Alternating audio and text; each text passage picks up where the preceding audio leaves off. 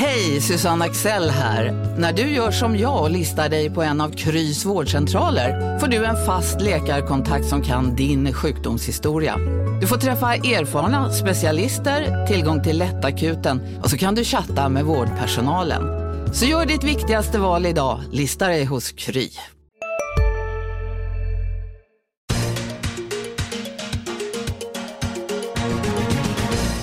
Hej och välkomna till Makrorådet, podden som tar pulsen på det aktuella läget i ekonomin och också blickar framåt vad som, om vad som komma skall med hjälp av två eminenta gäster. Idag har vi Olof Manner, analyschef på Swedbank och Anna Öster, chefsekonom på Länsförsäkringar som ska lotsa oss igenom de här ekonomiska farvattnen. Och jag heter Johanna Jansson och hoppar in idag istället för Makrorådets vanliga styrman Viktor Munkhammar. Vi ska prata om att det blir dyrare och dyrare dag för dag. Och eh, sen så har ni som vanligt med er två spaningar. Eh, och så ska vi ta några utvalda djupdyk här i makrokalendern. Men först tänkte jag att vi ska eh, åka till USA och prata skattereform. Vad ska man egentligen tro om eh, läget där när Donald Trumps efterlängtade paket nu ser ut att nå hela vägen fram? Eller kommer det nå hela vägen fram? Anna, har du några tankar? Ja, men sannolikheten för det måste man ju ändå säga har ökat. Nu har vi ju en version genomröstad i representanthuset och en annan version genomröstad i senaten.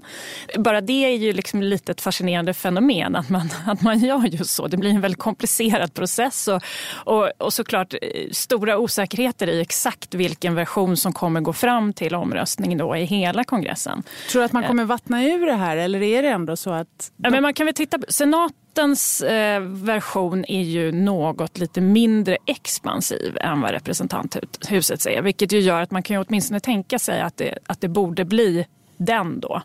De har ju mindre också antal röster de kan förlora i senaten än vad de har i representanthuset vilket gör att man kommer ju försöka vara försiktig och behålla de röster man... Man kan max förlora två helt enkelt och man förlorade en nu senast från republikanskt håll. Då.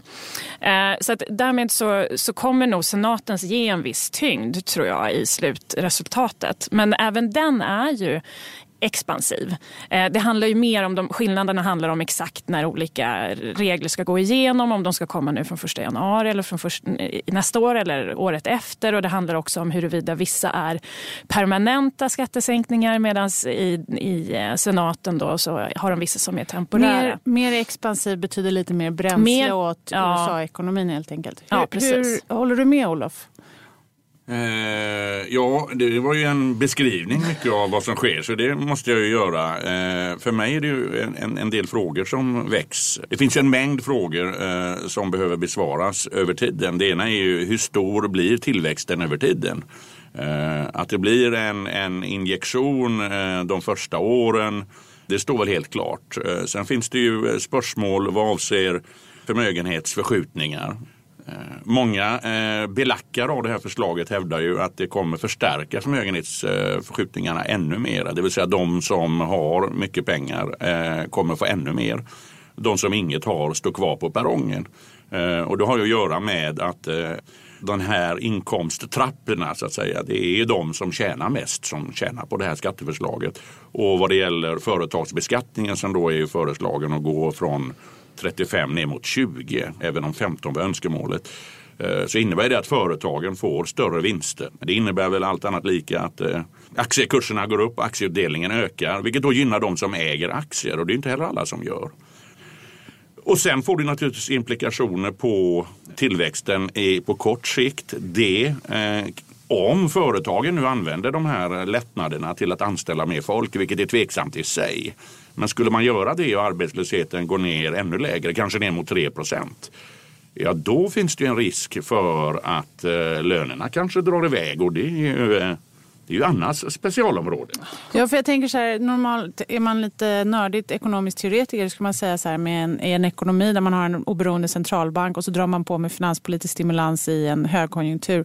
Då ska ju centralbanken agera. Så mm, kommer inte det ta bort en del av tillväxteffekterna om Fed höjer räntan snabbare än vad de skulle gjort annars? Absolut. Nu tror jag att de kommer vara fortsatt försiktiga. Även om riskbilden har ju tilltats åt det hållet från att kanske vara på nedsidan. Jag, vår bedömning är att det blir tre höjningar nästa år och nu, nu ligger risken snarare åt fler då än åt färre skulle jag vilja säga.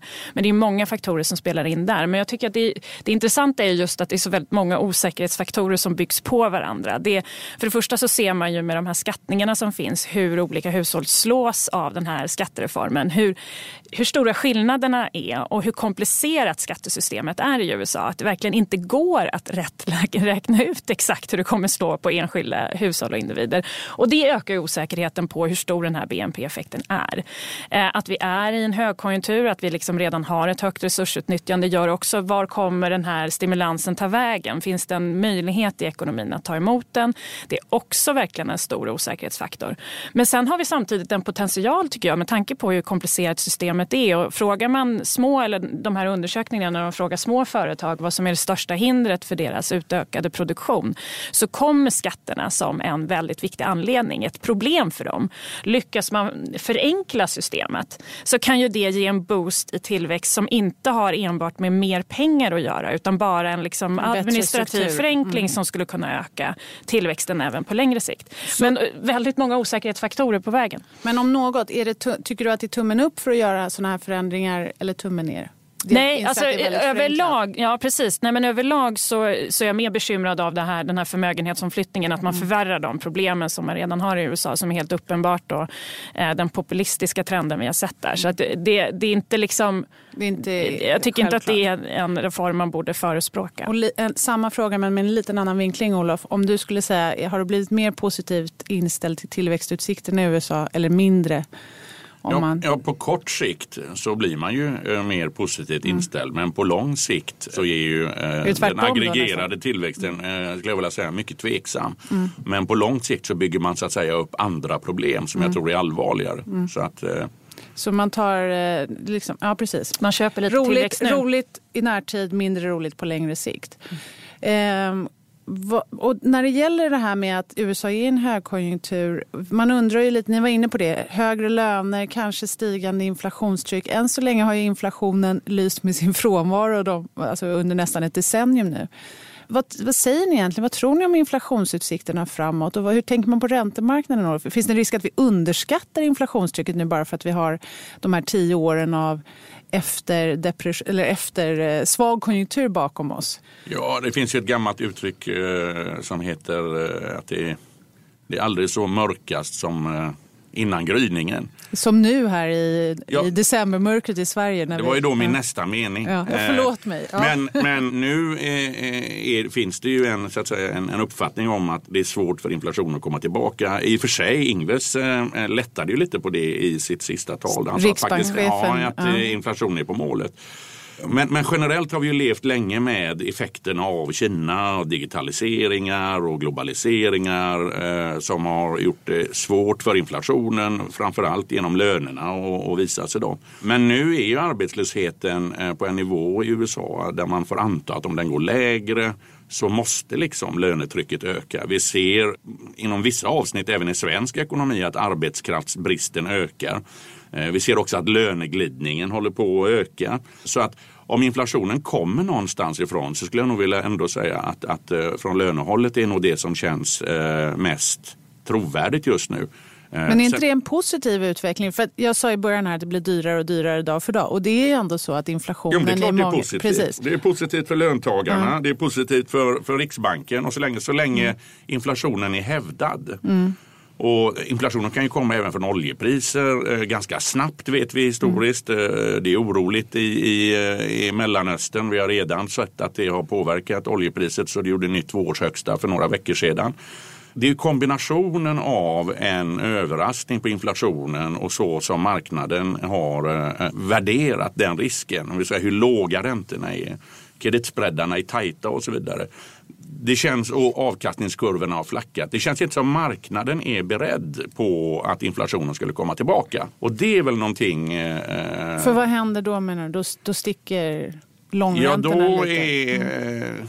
Det är ju min spaning. Du är inne och krafsar på ah, det. Vi, vi, gör det som en cliffhanger. Vi återkommer till vad tackar, det här, kan, ha, ja, vad tackar, det här kan ha för betydelse. Men Anna, har du några tankar kring Eh, finns det någon risk här att vi underskattar inflationspotentialen i ekonomin för att vi liksom har byggt in de här väldigt ovanligt svaga åren i modellerna? Jo, men det, det tror jag. Det är också att vi har överraskat så länge av, på nedsidan vilket gör att vi både, både de som försöker göra prognoser och har haft fel under många år men också de som agerar på marknaden såklart. Eh, att man blir lite mindre stursk kanske kring att liksom dra ut trenderna där. Och då är risken alltid åt andra hållet tror jag. Det måste man alltid vara medveten om på något vis. Så jag tycker också att man ser ganska tydliga tecken, kanske inte, inte kring en liksom stor inflationschock utan snarare att det är på väg i rätt riktning. Jag tycker också att det blir, det är ju en intressant... Inflation av rätt skäl, är det så man ska se på det? Alltså snarare än att vi får högre oljepriser? Eller? Ja, fast det är ju både och som Olof sa. Men det är många tecken som pekar åt samma håll. I Sverige har vi också en väldigt eh, försvagad krona som rimligen kommer åtminstone till viss del skapa lite inflationstryck när vi blickar framåt. Men, men också här då så har vi ett annat lönetryck som vi ser. Vi ser att konjunkturlönerna växte snabbare Q3 nu, tydligt snabbare än i början på året. Eh, vi ser att det är offentlig sektor som drar främst men det kommer ju sannolikt även driva på andra löner. Eh, så att det här med att vi inte har sett något lönetryck alls, det tycker jag liksom inte riktigt stämmer längre även om det fortfarande är, finns en bit kvar att gå innan vi har något typ av normalt samband där kanske. Men även i USA där vi pratat om att det inte liksom kommer igång något lönetryck. Det, det är ju bara att sambandet ser inte exakt likadant ut som det har gjort historiskt. Men det är fortfarande så att lönerna ökar ju kontinuerligt med en högre takt. Även om takten fortfarande är lägre än vad man kanske hade räknat med när arbetslösheten är så här låg.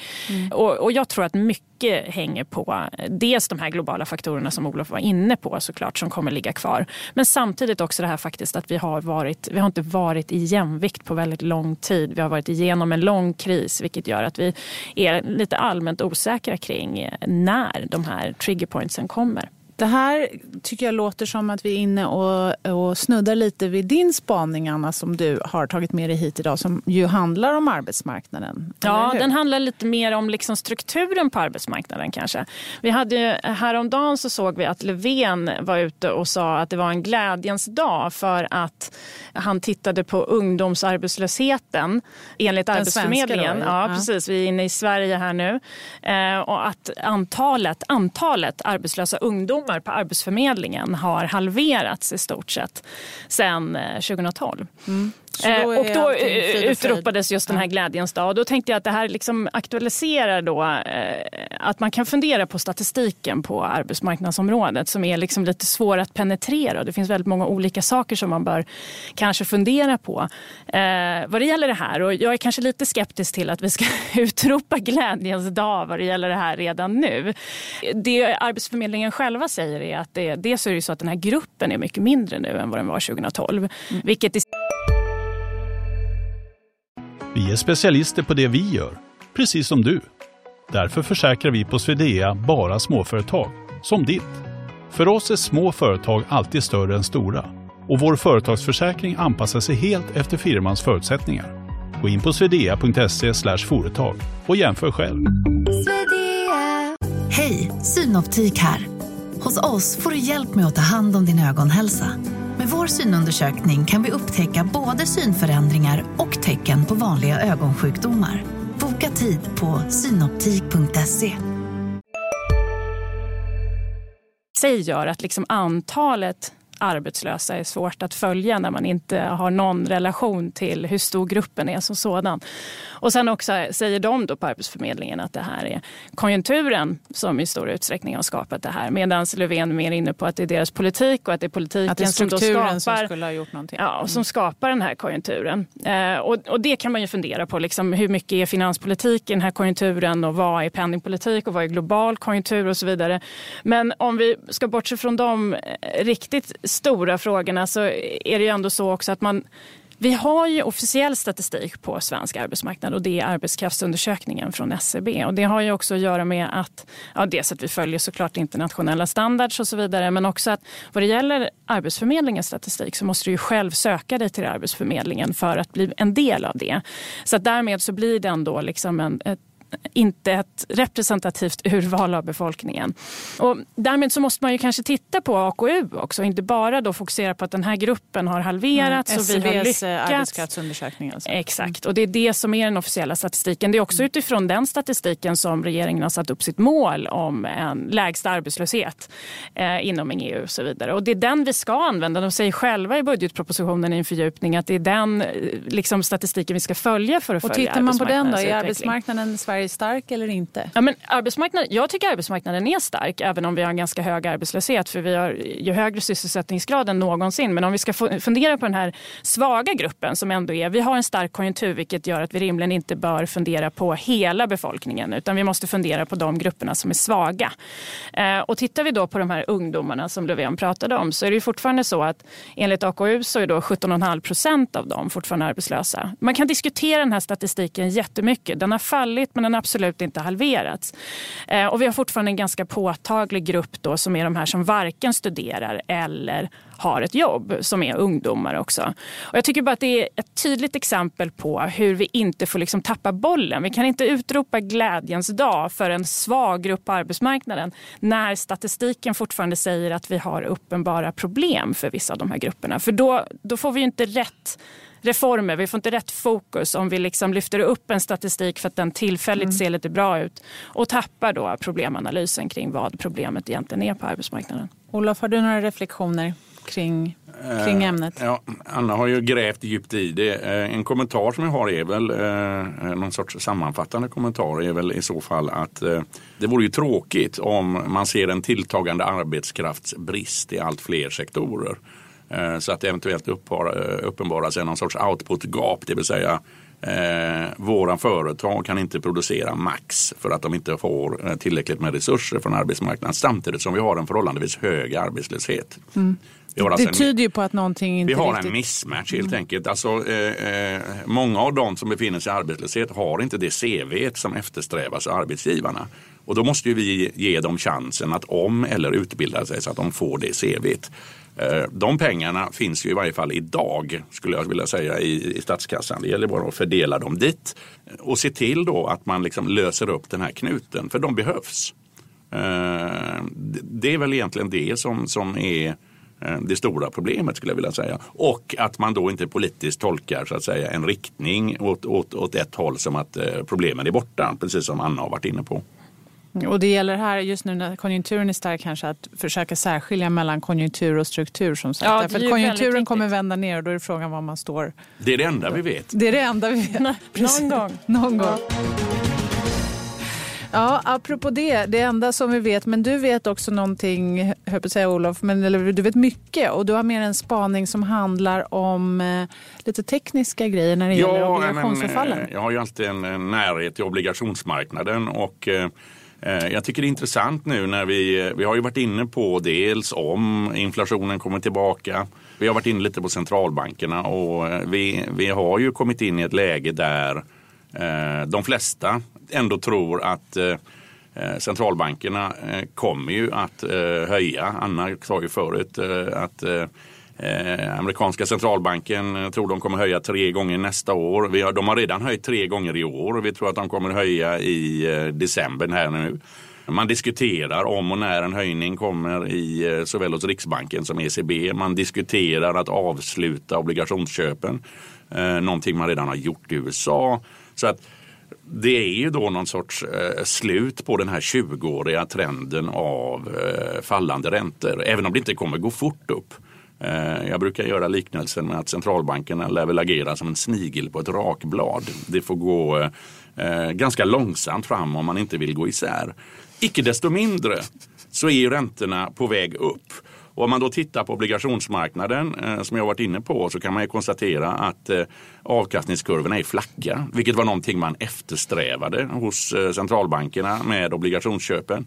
Kreditspreadarna är tajta, har kontraherat. Vilket var också någonting man eftersträvade för att underlätta så att säga. Det kostar inte så mycket mer att låna om man är ett riskfyllt bolag till exempel. Än Nej, om man är ett och det var ju hela idén stabilt. då att eh, underlätta finansieringen för mm. företag så att de kan investera, och anställa folk, bla bla bla, så att de ekonomiska hjulen snurrar. Vilket de nu gör och det är då anledningen till att man långsamt vill ta sig ur och normalisera penningpolitiken. Men tittar man då på obligationsmarknaden så kan man ju se att Eh, Eh, dels så eh, är eh, löptidsinnehavet, det vill säga eh, innehav av obligationer ligger med eh, väldigt långa löptider. Faktiskt den längsta löptiden man har haft på eh, ganska länge. Eh, på fackspråket, de har väldigt mycket duration i böckerna. Det innebär att eh, varje förändring av räntan upp kostar väldigt mycket mer pengar för de som äger de här obligationerna. Det gör alltså förlusterna blir högre ju längre löptider man har. Och nu är löptidskonstruktionen eh, och innehaven eh, av långa löptider väldigt stor. Sen har vi också en annan teknisk faktor och det är ju att eh, Betyder det att räntefonder kommer gå relativt... Åtminstone, ja, kanske, inte, kanske inte pensionsförvaltare. För många av dem har ju bestämt sig för att ligga med obligationerna till förfall. Mm, och då förlorar Men, man aldrig? För det, eller alltså man får i alla fall tillbaka ja, det man har... Du får alltid ja. tillbaka mm. det du har satsat. Men mm. de som så att säga har en annan syn på sina obligationsinnehav som förvaltar mm. pengar och så vidare. De mm. börjar ju faktiskt förlora pengar när mm. räntorna går upp. Och Sen har vi också stora förfall på obligationsmarknaden. Det beror i sin tur på att man gav ut väldigt mycket obligationer under 2013. Staterna gjorde det? Både stater, Både stater och företag och, och mm. finansiella institutioner, det vill säga mm. banker. Och de här förfallen kommer nu att uppenbara sig då 2018. Eh, och det innebär att de som en gång köpte dem kommer att ta sig en funderare på om de på den här räntenivån mm. verkligen är beredda att reinvestera de här förfallen från samma emittent. Och det är inte säkert. Och då, då För räntorna blir... är avsevärt mycket lägre idag.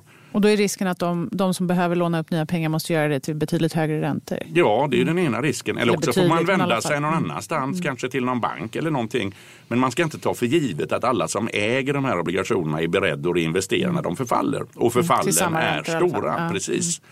Och om det då sammanfaller, en, en, en, en hög löptid hos förvaltarna, stora förfall samtidigt som inflationen kanske kommer och ja, mm. jag ska inte måla upp något domedagsscenario för det går verkligen inte hem i den här marknaden just nu.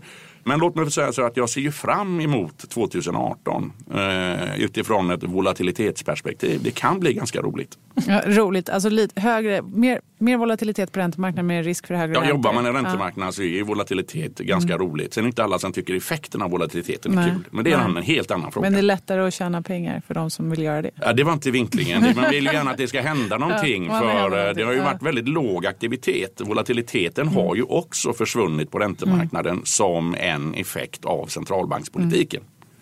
En, en, analytiker som jag intervjuat på Citibank som heter Matt King som har varit väldigt kritisk, eller som har eh, sagt haft mycket fokus och också varit kritisk på, mot centralbankernas tillgångsköp. Han kallade när volatiliteten försvann från räntemarknaden sa han att räntemarknadens mojo hade försvunnit. Ja, Den kanske är på väg tillbaka. Jag vill säga så här att en ökad volatilitet innebär naturligtvis att några tjänar mer pengar mm. men det innebär också att andra förlorar, förlora. mer pengar. Mm, så, så det, är liksom, det beror på vilken sida av staketet man hamnar på. Mm, så är det. Ja men spännande. Tema eh, stigande räntor inför 2018 då. Ja, det var du som sa. Jag mm. sa bara hur ja. det såg ut på marknaden. Vi får, vi får, precis. Eventuellt hög, ökad volatilitet i alla fall på räntemarknaden. Ja. Mm.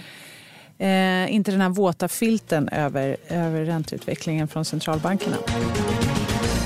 Det var lite framåt under 2018. Om vi tittar lite närmare i tiden så har ni också med er varsin spaning om eh, viktigaste i veckan som kommer.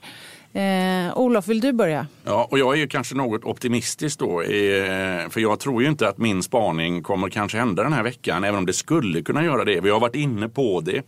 Eh, och min spaning är ju då när och om senaten och eh, representanthuset faktiskt kommer överens om ett gemensamt eh, skattepaket som då skall upp till Donald Trump och eh, signeras. Sen är det ju done deal. Och när man försöker hitta en tidpunkt för det här så vet man ju bara att man har utsett eh, en kommitté som då ska börja massera det här.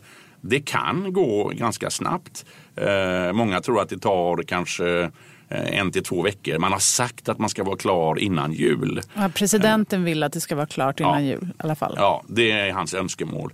Eh, så när den kommer så tror jag att det kommer att få ytterligare eh, hyfsat stora effekter då på, eh, på marknaden. Även om mycket naturligtvis nu redan är diskonterat.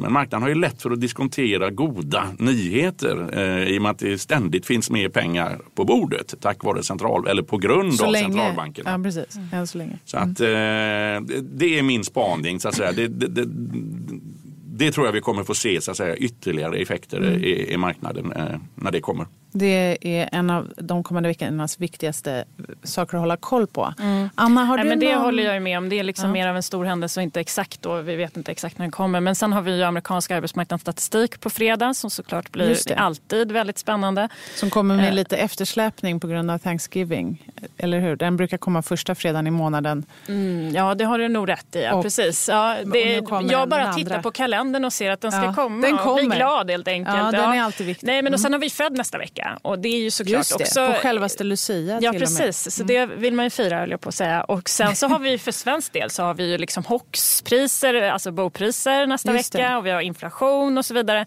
Så det känns väl som att det är en toppenvecka framåt med massor med roliga saker som kommer hända. Mm. Mm. Det ska bli spännande. Vi ser fram emot det. Och vi, de kommer ju såklart komma tillbaka till dessa ämnen. Bostadsmarknad, räntor och eh, eh, centralbanker i kommande makropoddar. Stort tack för att ni har varit här idag. Tack. Olof Manner och Anna Öster. Tackar, tackar. På återseende. Makrorådet från Dagens Industri. Podden klipps av Umami Produktion. Ansvarig utgivare Lotta Edling.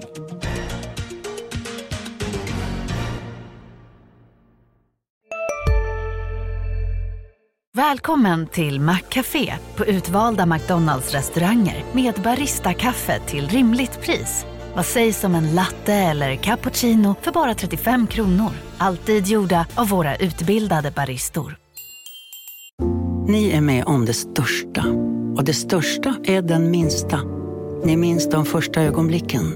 Och den där blicken gör er starkare. Så starka att ni är ömtåliga. Men hittar trygghet i Sveriges populäraste barnförsäkring. Trygg Hansa. Trygghet för livet.